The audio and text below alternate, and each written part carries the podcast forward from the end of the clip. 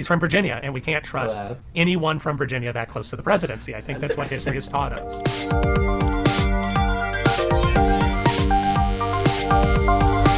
Well, I'm not a crook.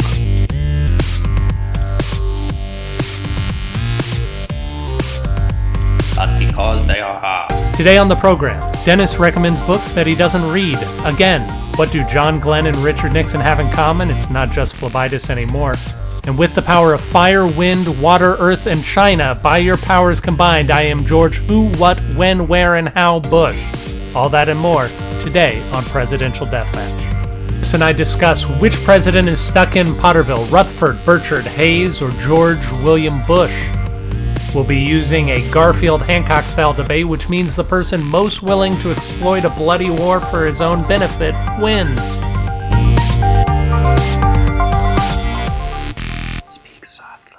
Dennis, what's going on with you? Hello. I really, I guess I always thought it was George Washington Bush. I. It might even be George Walker Bush. Because isn't it George Herbert Walker Bush? It, the it is definitely George Herbert Walker Bush, which makes me think that I screwed up. Yeah, yeah, it's George Walker Bush. Well, I feel foolish. one? George Walker Bush. Interesting. Luckily, we caught it right at the beginning, so we can leave in my mistake and all of this conversation. Perfect. does not bode well for my success in today's debate, quite frankly. Well, your your opponent begs to differ. We will see, because Dennis, of course, we had a debate two weeks ago on which president would be the best antagonist for Bugs Bunny, and in a squeaker of a contest, Andrew Johnson came out the victor. So congratulations. And then last week, of course, Steven Saltzman joined us to discuss which president would make the best children's program. And currently, James Madison has a commanding lead. Before we get too deep into things, I should say that Pronoia Theater is having a show, a magical lying hour, Thursday night. If you are listening to this the day it is released, it's going to be a really fantastic show. We have people from all over the world. No one, uh, outside of Steven and myself, no one is in the same city this time around. Crazy. So we are representing Juneau, Mumbai, Baton Rouge, Salt Lake City, Providence, Rhode Island, Minneapolis, Austin, Madison, and Houston. Juneau. Yeah, Juneau. Dang. Juneau AK. Doesn't that that like instantly vaults you up to like one of the most popular theater companies in Alaska just from that one person being involved? Surprisingly, they're they've got a lot going on in Alaska. Yeah, uh, from from when I was up there. Yeah, I'm when you looking at your map right the- now, and it looks positively tiny. I know, yeah, because they there was a girl when I was in high school that at my church I remember that told me that like she had only recently realized that Alaska and Hawaii weren't right next to each other inside of uh, rectangles. I don't know what she thought the rectangles meant. I was speaking to someone also in high school. I, I said something about London being a great city, and she said, No, London's a country. And I said, No, it's a city. And she said, My name's London. I should know. No, And I way. said, Yes, you should know, but you don't. It's a city. Oh no. I did just recently find out this is weirdly on topic.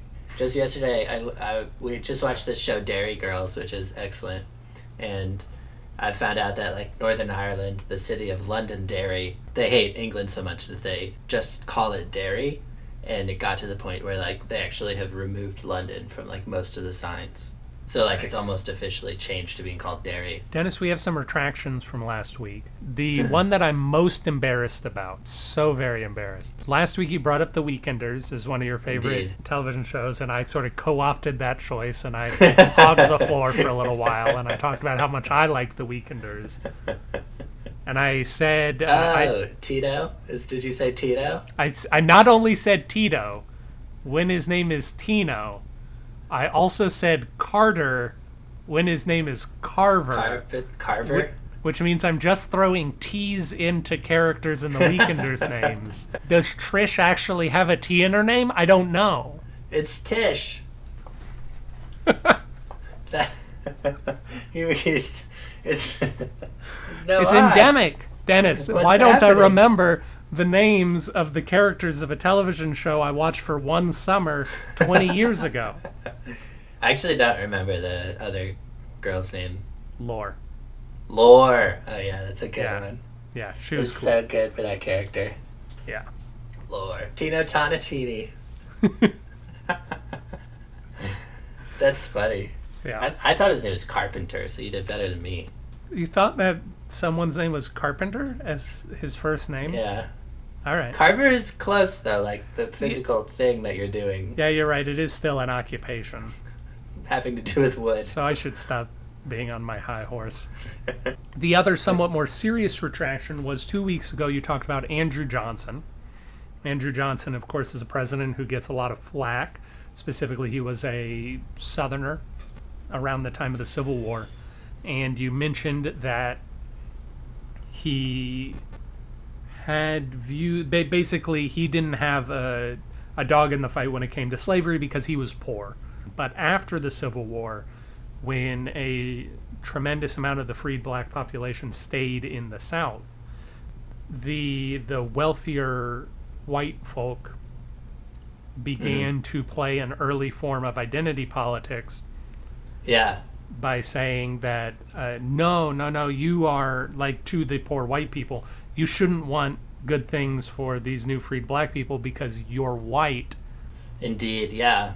Yeah, I think that, I mean, there, there's a lot of enemies, but I think that it's always good to to remember that the real enemy is the bourgeoisie uh, most of the time.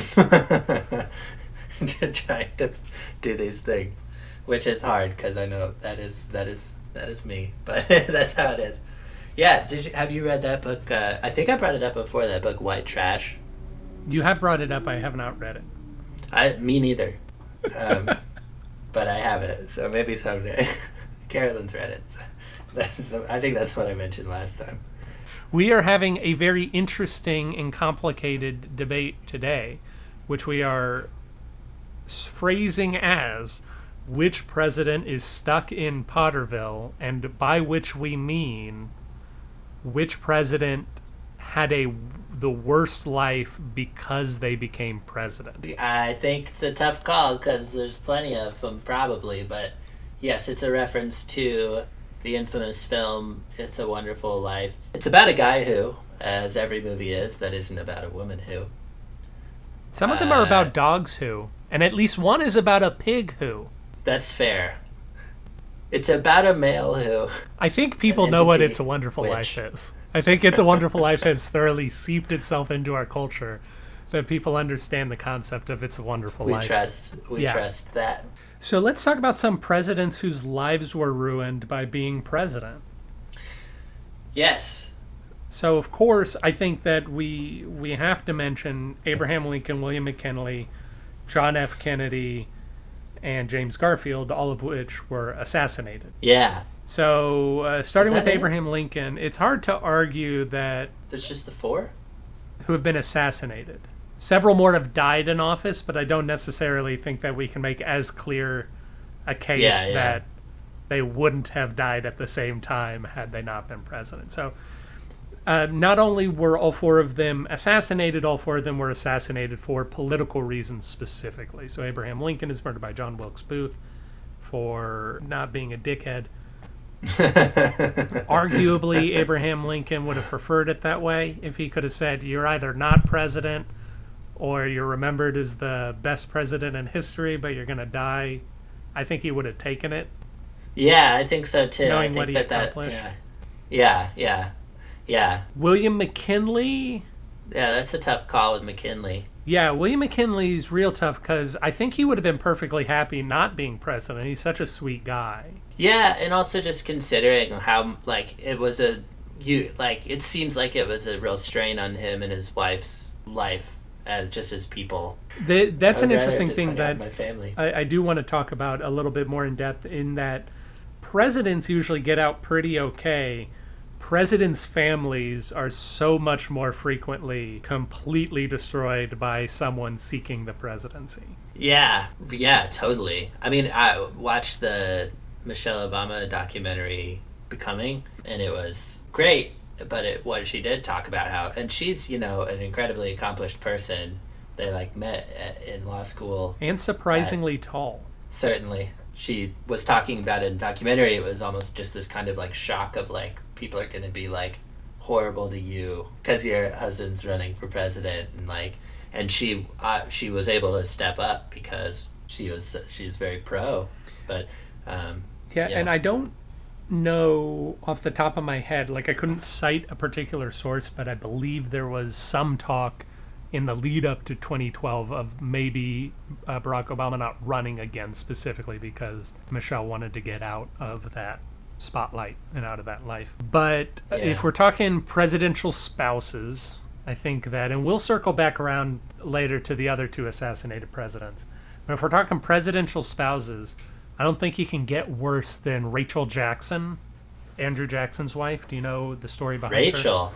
Rachel Jackson. Rachel's a nice name I feel like I wouldn't have thought of it as it feels like such a modern name Well, it's from the Bible. oh really Yeah, it's it's actually from Genesis, so it's from very early in the Bible.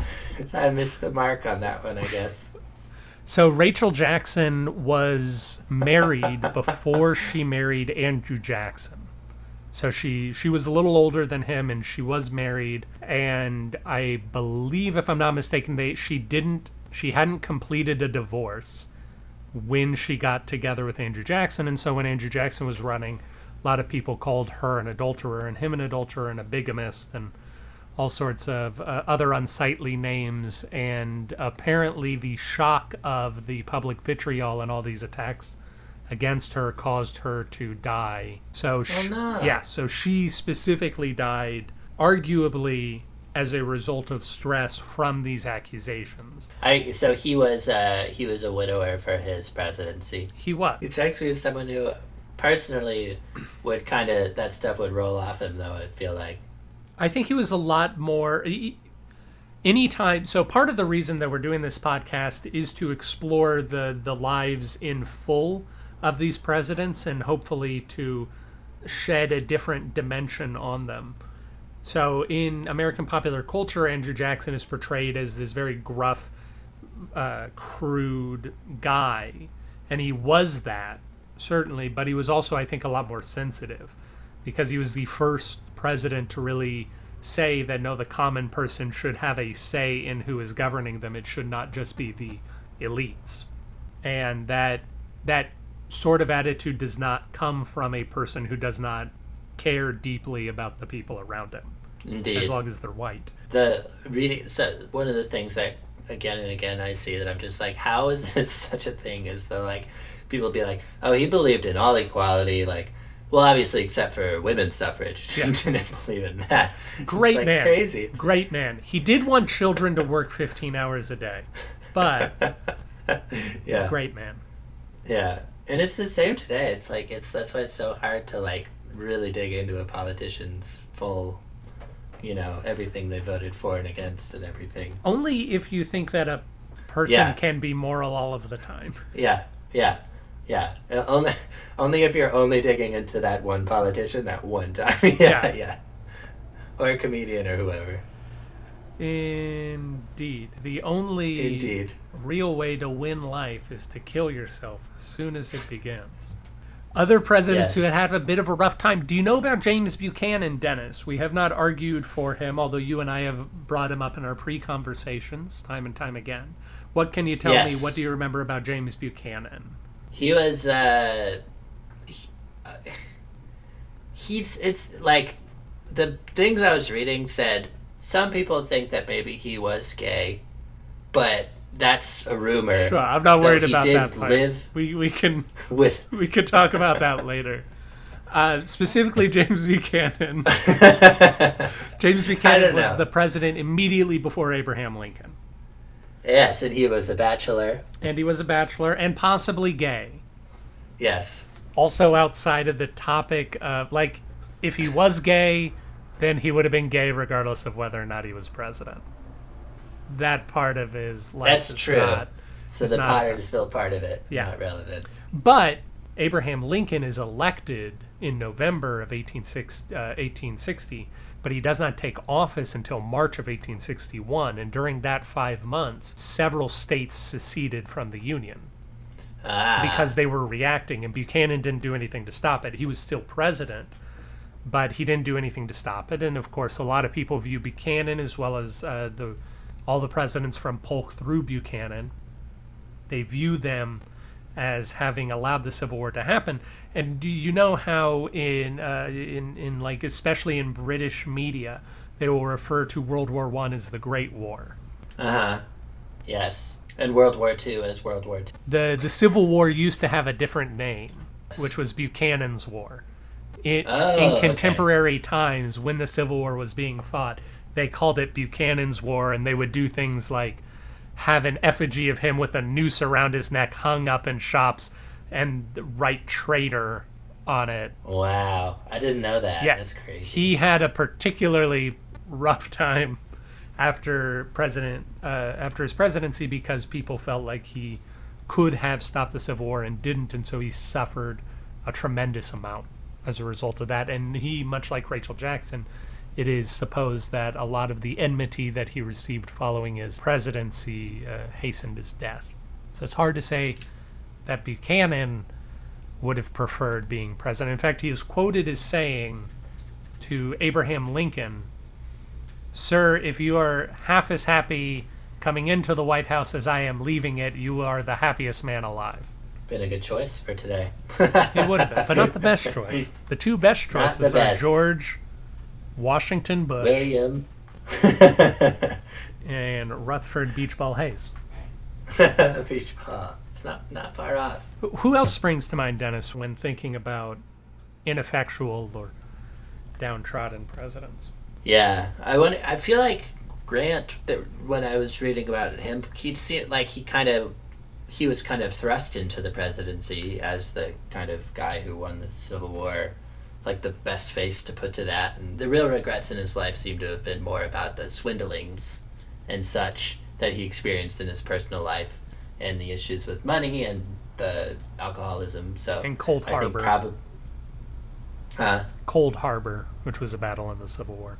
Yeah, yeah, right. So he probably has more demons than that put the presidency itself in perspective for him enough. So, but I sure I'm sure that there he had his regrets about it too. So but, that yeah. that's an interesting point because do we think that President Grant's memoir would have sold as well if he were not president? Probably not, right? right. so even yeah, though no. someone like Jimmy Carter had a really rough time as president, most of the notable things that he's done in his life have been outside of the presidency. And he is not well remembered as a president. It's hard to say whether Jimmy Carter could have done everything that he did after he was president had he not been president. And so it's hard to say Right, whether or not he should have not been president because in the 40 years since longer a longer retirement than any president in history he has done I, I don't want to say more than anybody but certainly the jimmy carter museum in atlanta gives makes you feel that way. yeah it makes you feel like jimmy carter is a superhero walking the earth yeah, yeah. and he And it's and it's yeah, and his superpower is uh, his presidential pension. or just the No, clout kidding. It's really it's, it's just the the clout of being an ex-president allows you into rooms that you wouldn't otherwise get into Yeah, totally, totally. Yeah, no, he he really is. Yeah, and and for me being as as young as I am and stuff like, I didn't really I didn't really know that he had wasn't that he had a rough presidency or and isn't necessarily well remembered. Uh, but I do know that he you know has done a lot of amazing stuff in his post presidency. So for me, he has a positive legacy and seems like a nice fellow. Pulling that one piece of like the legacy out of it, but there's other components too. Like you said, like if you get killed because you're president, that's a bummer too. That's another bummer piece of it. What do you think Richard Nixon would have done had he not been president? Yeah, because I was thinking about Andrew Johnson too. It's like they seem they seem like they that was what they wanted in life. So it's almost like, well, Andrew Johnson maybe a little less, but he wanted to just be like a politician who, you know, like Andrew Johnson, he hated everyone. Everyone hated him. Did he regret being president? I don't know. I think he just hated everyone and was like, yeah. I think he liked that." sticking it to them. Richard Um, Nixon is a guy who was insane, but probably would have been more insane had he not been president. Now, Right, yeah. he he Yeah. would have done less damage had he not been president. But there's there's an idea that Richard Nixon, uh, if he does not win the Republican nomination in 1968, I, I don't know, becomes Rush Limbaugh or some somebody like that. like he's because because you see, I don't know. Uh, I I really love Richard Nixon. I I think he's a fascinating, crazy man yes. who yeah. was created by America's fascination with good looks.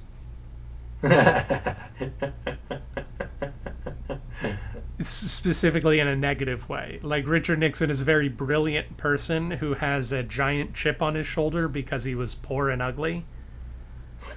and everywhere and he was from California, which is a land of gorgeous people.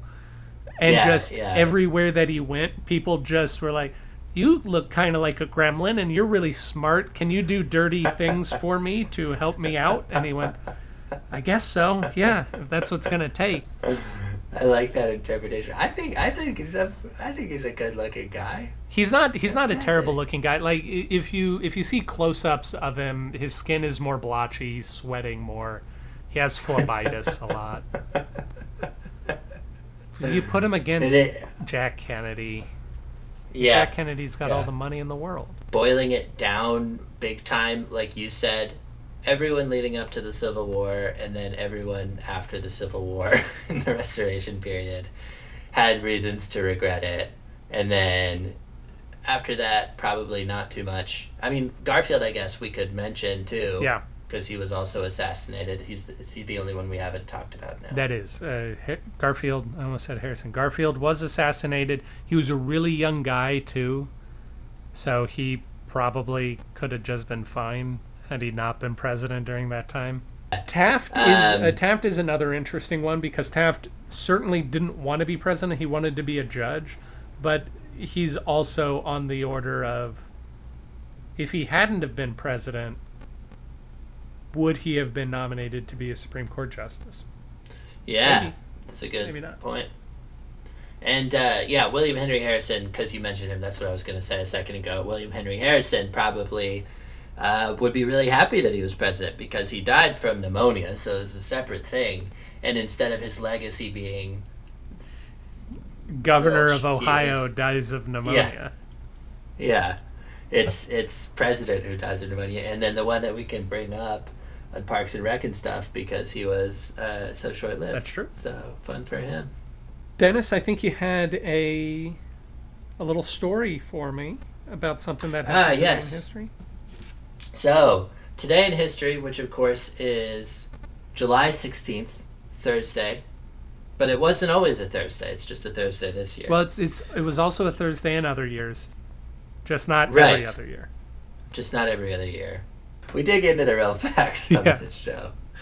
So what I did is I found five really interesting events that happened on this day in history. I'm gonna give you, and I mapped them to the essential uh, elements. So I'm going to give you the element and the uh, president, Okay. and then you have to guess the event. So that so the uh, the element is fire, and the president is Truman, Harry S. Truman. Harry S. Truman. Okay, so that's not the Triangle Shirtwaist Fire. That's going to happen earlier, and it's not him seizing the steelworks because I don't think that there was a fire involved with that. Oh, fire! Fire! Fire! Fire! Fire! Fire! fire. I, uh, he he tried to take the log, the the timber industry, if I'm not mistaken. So I'm going to guess some sort of forest fire. Is it some sort of forest fire?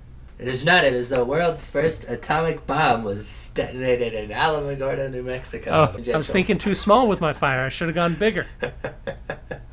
Uh, I'm worried that this game is too hard. But the next one I'll give you is air, and the president is D. David Eisenhower. Okay, so you're you're quite literally meaning element, not like justice. We're we're talking very elemental forces. Okay. D. Yes. David Eisenhower and air. So we're not talking about anything to do with the interstate highway system, which of course was very big for Eisenhower.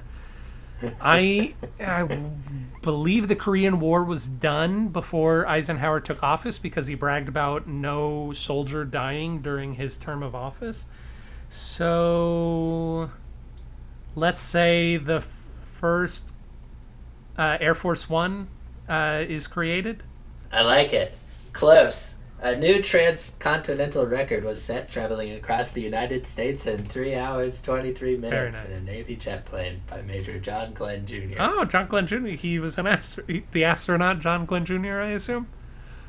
I don't know. Wasn't part of my research. Okay. I think I believe John Glenn Jr. was the first American to orbit the Earth. In addition Oh, to cool. The element is Earth, Okay.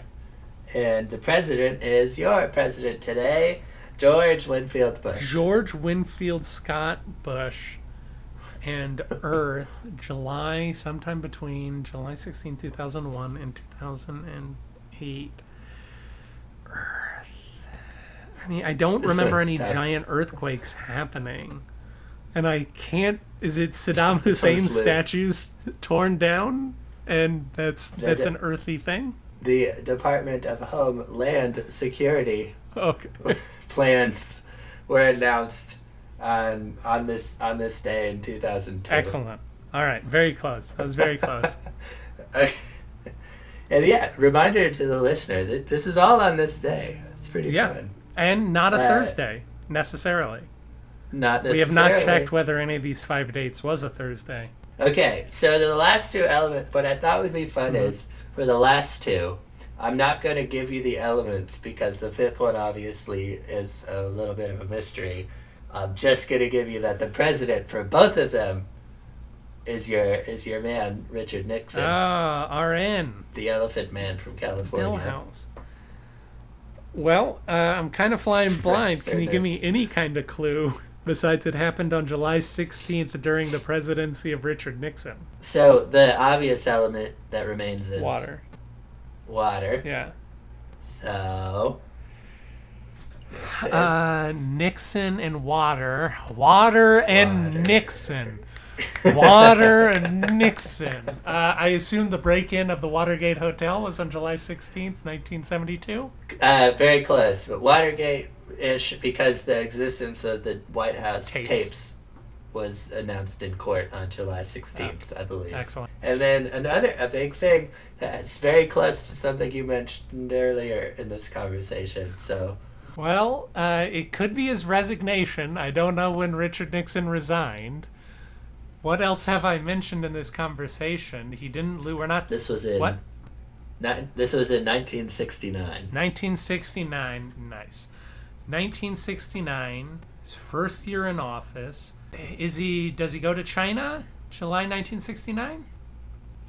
The fifth element is China. uh, the moon landing. Oh yes, of The course. launch. So space. We live in Houston. How did I not? Yeah. Well, not we. I live in Houston. How did I not remember that the moon landing happened in July 1969?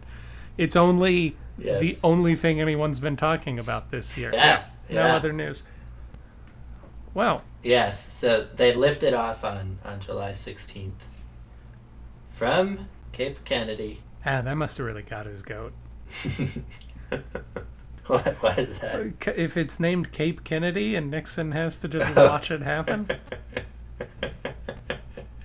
he, he, he called it, he was trying to, at home watching on his own, he's like, and the liftoff is successful from Cape Nixon. His own little fantasy version. And John Glenn Jr. is watching and he's like, why couldn't I be on this crew? why did I have to orbit the planet and set a record? I could have gone to the moon. When we come back, Dennis and I are going to argue which president is stuck in Potterville. Don't go anywhere. You probably can't because we're not on a real radio.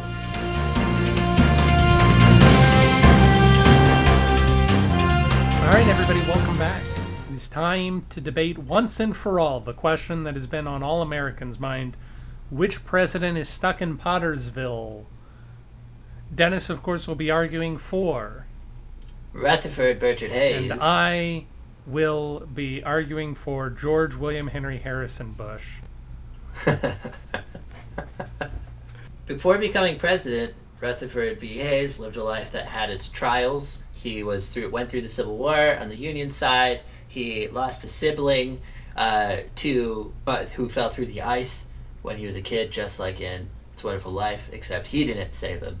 And uh, he kept a journal, so we can actually see that despite this, despite lost love, everything else, he actually had a really positive outlook on life. He and he was he had a good life. He wasn't like super wealthy, but he had a good life and it helped him maintain positivity and really believed in other people. But because of that journal, we can also see that after his presidency, he really lost that flicker a little. He was still a positive person, but he was not confident in where capitalism in America had gotten to, which is funny to think that only a few presidents after Abraham Lincoln, people were already getting there with that. And I feel like that's where a lot of people are today as well. So he kind of lost that. And he also really damaged his legacy where before being president, he could be so positive about, he really, he volunteered helping deaf people and things like that, I believe. He really tried to like, as governor of Ohio, do this equality stuff and everything, put it into practice. Uh, he he uh, tried to deal with the uh, mass incarceration issues. Then, as president, tried to bring all of this positive outlook there, and that turns into oh, pull the army out of the South because things are better. Free freedmen are are going to be treated equally, and a lot of things along those lines where his intentions were good, but the situation was too complicated, and it ended up damaging his legacy in the end. Didn't his own party really didn't like him by the end of his single term because rose higher than he should have, and that's not even to go into his corrupt election. That's my opening statement. That's surprising because I would have thought that you were brought up his corrupt election, and I, uh, if you if you wouldn't mind, I hate to give you Yeah. more room to make a positive argument, but I think the way Rutherford Hayes was elected is really important. Could you expand Yes. a little bit more on how that happened and how it may have affected his public perception? I'd love to say that I was counting on you asking about it. yeah, because like the primary thing he's remembered for is that his he was in the first place kind of like one among many candidates, and then everyone didn't want this one guy to win, so they they convinced everyone else to leave except for him, and so he just got like vaulted in. And then there was clearly a lot of corruption that led to being an indecisive tie thing, and so then they had they chose people to to uh, from the Senate, whatnot, and a Supreme Court justice to just like elect the person. Then the Supreme Court justice was someone that the Democrats were like, oh, this person's going to be perfect for us. But they really wanted to make sure that, so they said, hey, if we give you a seat because we heard that your real dream is to be a senator, will you vote Democrat? And he said, oh, thanks for the seat. And he left the Supreme Court and joined the Senate. So then they had to choose a different Supreme Court justice who ended up voting for Rutherford B. Hayes. So it was like just a mess of corruption and people uh, voting or p- people not getting to really vote for who was president and he wasn't even like one of the main people that anyone would have thought would be president. And so when we look back on history that's uh, really the main thing that we remember about him because it was like the end of reconstruction and stuff like that. But and a lot of crazy stuff happened. Thomas edison made the light bulb a bunch of crazy stuff like that. But really what he's remembered for is that it was a really corrupt time. And that's yeah that points to that kind of for him it's a bummer because he was a hardworking guy who had who really had his heart in the right place with a lot of this stuff and now what we remember him for is being involved in a really corrupt government or at the very least involved in a corrupt election scheme. So while we're talking about Rutherford B. Hayes, so we may have frustrations with how he was elected, and he may have some conflict with what he was or wasn't able to achieve, and especially the fact that uh, he may or may not have been forced to uh, end Reconstruction in order to appease the Democrats who felt as though the election was stolen from them, that this may have weighed on his soul. He did advocate many educational reforms after leaving office. And specifically, he was able to nominate two Supreme Court justices during his presidency, who notably in the case, I'm going to look up the case name so I don't mistake it, in the case of Yick Wo versus Hopkins, were able to safeguard minority rights, specifically for Chinese Americans, but also for all sorts of Americans. So it seems as though he was able to do things that were particularly useful for his own ideology and things which we would believe are, are very good now. And I don't necessarily know that he would have been able to do that without being president. So, can you really say that he regretted being president in that it gave him the platform to do these things? I think that's a really interesting point, and I think another example of a similar thing would be with this Native American tribe that got displaced because that was happening constantly, and it and they eventually said, you know what, this isn't happening. We're just gonna go home, and so then it eventually got to him that this was happening, and he said that he like wrote an apology to them so they could certainly stay, and then paid for the damages from obviously there's a lot of lost life and stuff that he couldn't really help them with but he paid for he paid the damages on that as well. So i think that's an example of where because of the position he was in he was able to help. But he also like i i think that what i would argue is that he on the other hand was president during a time when he was not able to keep a lot of Native American tribes from getting really abused. And then he has to now live with knowing that when he helped this one tribe, all this other stuff really happened. And then, similar with pulling the army out of the South, that's something that he, you know, that he he had his heart in the right place, but he had such power that it actually put him in a position where, yeah, maybe he got to do some things that were good, but I think it was outweighed by just knowing that so much of the bad stuff going on was in his hands as the leader of the country and that he didn't really make that much of a difference on a lot of it. So you're imagining that he would have been happier being a person who didn't have power and could grouse about it than being a person who had power and knew that he was unable to do things. Yeah, I think so, and live in the dark too a little, which is maybe unfair. But I mean, like I like for me, you know, in my life, you know, it's like a lot of the times it's a comfort to be able to not look at the news, you know, sometimes and just kind of like be comfortable, and I and I have the privilege of doing that, uh, and so for me, I know I kind of wouldn't want to be pre- president for that reason, you know, and so I, I could kind of I could appreciate how, especially for someone who was accomplishing things as the governor of Ohio and getting to make those those differences uh, without having to really see a lot of the uh, this lot of the effect of what he couldn't do.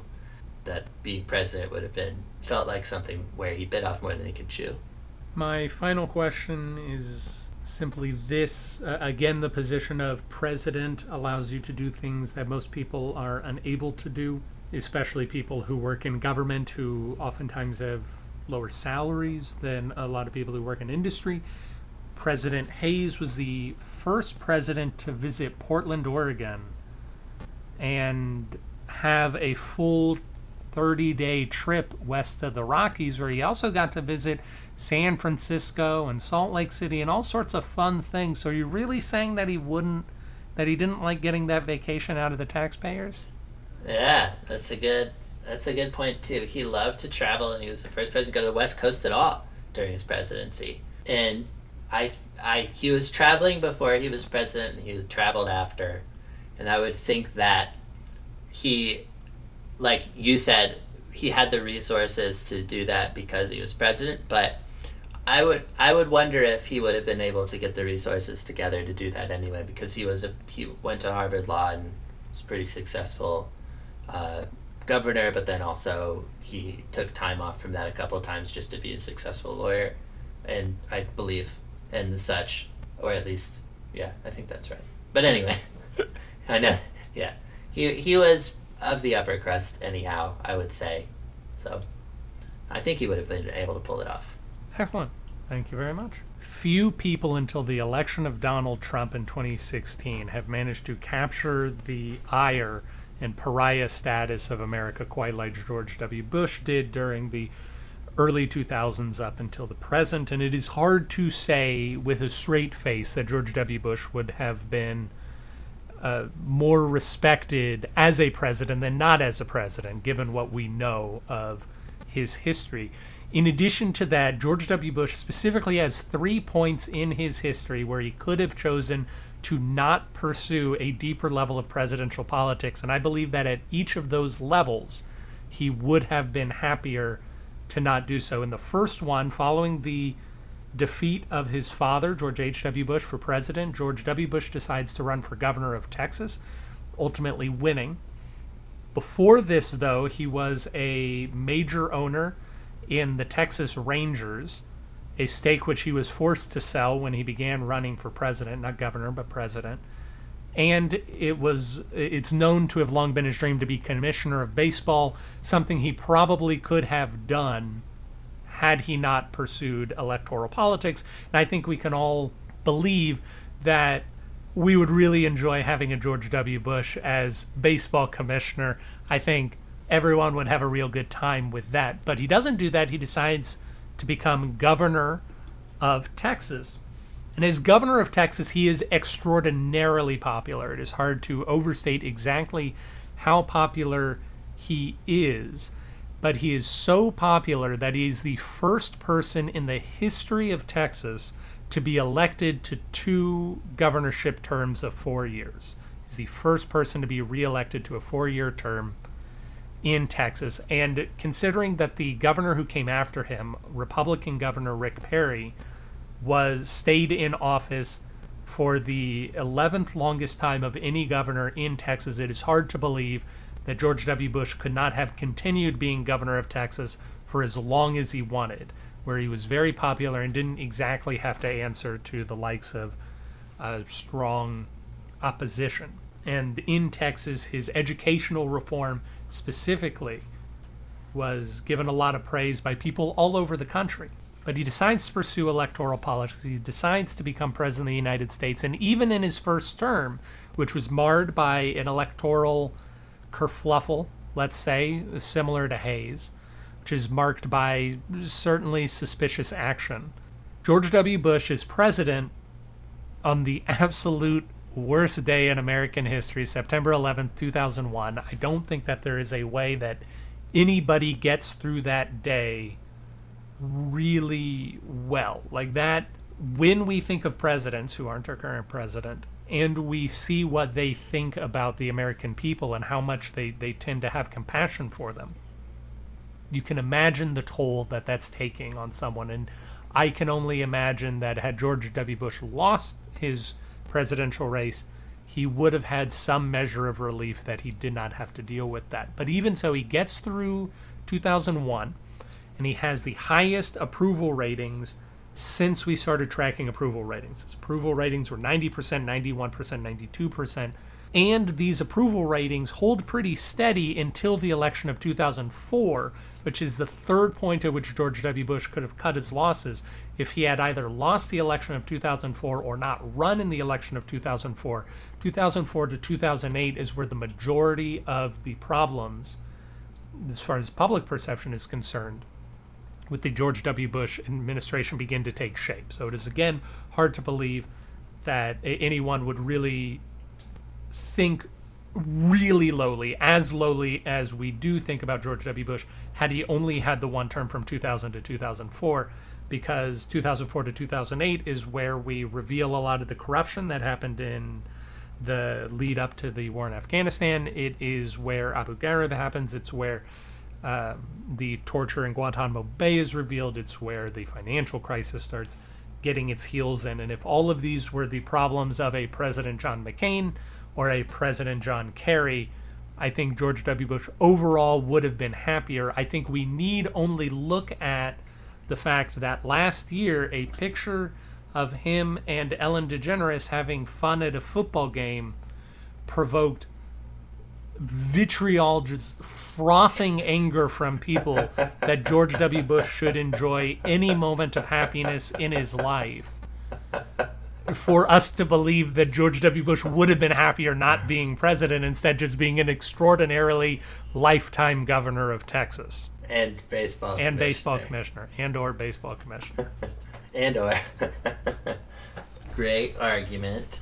So, but so do you think that if he'd if he'd only had his first term, do you think even then he would have had a better life not having been president? or he would have. Well, sp- yeah, specifically the argument there is I think he would have been much happier not being president at all. I think if he had just decided to take Rick Perry's entire place in Texas history, that he could have continued doing educational reform. He could have continued doing uh, the other reforms that he was doing as governor of Texas. And I don't know whether Texas would have been in a the same place or a better place, but I think he would have been happier certainly. Uh, but I do think that if he had not had the 2004 to 2008, he would have also been immeasurably happier, even if he had lost.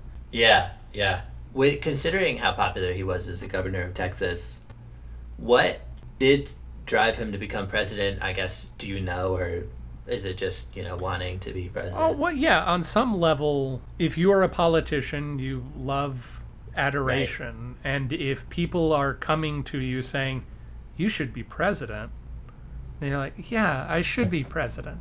It's really just people kept telling him from 1998, which is when a lot of the educational reforms came into play in Texas, people started looking at him as kind of a national leader and, and someone who could very much get the nomination. And so I think he just wanted it. I also know that both he and Jeb Bush were spurned into governmental action following the defeat of their father in the 1992 election. So I can only imagine that being being elected president on some level was uh, payback is the wrong word, but but it helped renew his father's legacy. This idea that Yeah, I yeah. I am doing the second term that my father never got. So I, I think it's partially knowing that his father was president, wanting to redeem his father's legacy, and just the normal ego stroking of someone telling you you should be president. Right. Yeah. Yeah. It's just it makes me wonder if, especially more in more recent years, when it's something where it feels a little bit more like you really need to be able to claw your way to the top there and dive in full hog and everything and really know what you're doing from the beginning. Is it something that you could really look back and say, "I wish I hadn't done it"? If it's something that you wanted so bad in the first place, you know. I I know. yeah, I I don't think that there is any amount of I don't think that people are really built for that kind of soul searching.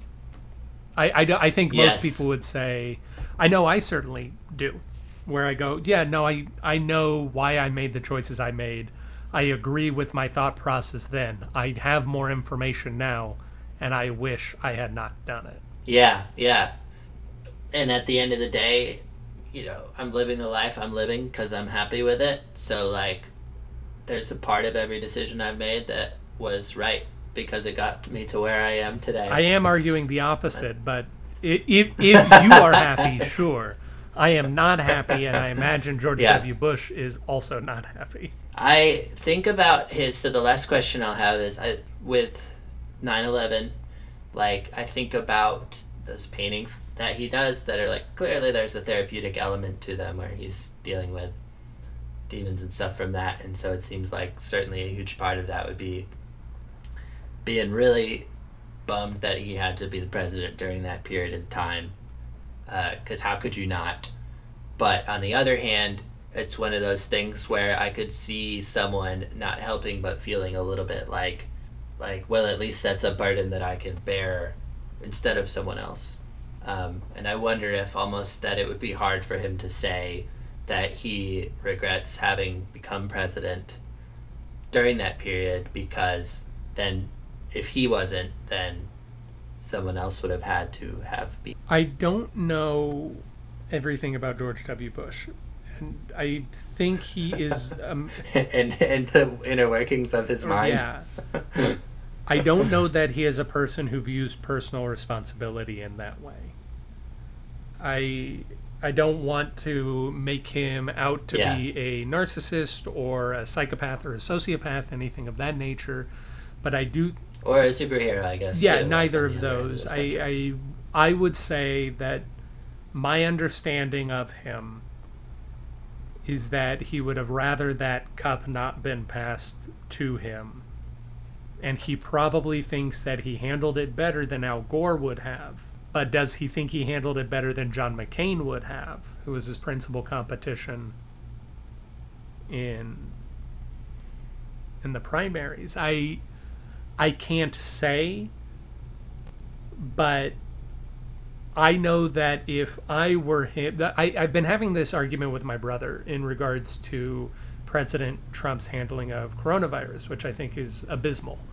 And my brother attempts to counterpoint this by saying, well, what could someone have done better, or what are other countries doing that's better? And I tend to say, well, it doesn't matter what someone else might have done or what other countries are doing. The point is that the person we have isn't doing well. And even if no one could do well, he doesn't get a pass for doing poorly in a bad situation. And I think that on some level, George W. Bush would think that no one could really handle September 11th well. The only way to handle that well is to prevent it from happening. And if you can't handle it well, then we would have rather it not ha- like I would have rather not dealt with it. I did deal with it. I dealt with it the best that I could, but I didn't do it well, and I would have rather someone else not dealt with it well in the same way, Yeah. so that it isn't attached to me. because it, was kind of just like the duties were largely these uh, just ine- inevitabilities and terrible decisions to have to make and things that anyone would have done one way or another or however they did it. So it was just a burden. Yeah, i want yeah and this is kind of leaving the debate but just what you said i think an interesting i think maybe counterpoint would be the that the one thing that resonates with me when I hear someone mention it that the president actually can do to provide value in a situation where it seems like probably no matter what they do, it's not going to go well, is be a voice for the people. Like, so something that I really appreciated about Obama's presidency is that he was really well spoken. So it didn't always matter whether he did the right thing, especially because I wasn't paying attention to that. But at times when I needed to just know that, like, we as a country were representing ourselves as a country that was empathetic about what was at whatever was going on, um, made me feel like okay, like I'm covered in terms of my culture being well represented, you know, in a moral sense or whatever. yeah. Um, and I, I'm curious what you think the value of that is, but like it's very easy to see with our current president that that's where I'm think I think you know, even if it would have been terrible no matter what, I think that the the active, uh, actively antagonizing the only people that we actually can look to for information and things like that is like any literally anyone else would do that better. be my only. That thought. is true. It is a despicable act. I do think that the role of communicator. There's a reason people love Ronald Reagan, and Ronald Reagan's nickname was the Great Communicator. yeah. There's a reason why people like George Bush, and it's because George Bush was very relatable, and he he could put people at ease. That's why he would make a great baseball commissioner. But no, you're right. The in my view, I, I have a very narrow view of the presidency. This is also outside the scope of the debate a little bit. I, I am sure I have spoken to you. I know I have spoken to other people at my frustration at how we treat the presidency and how we feel like the presidency should set legislative agendas, for instance, which I disagree. I think that the legislature should set legislative agendas.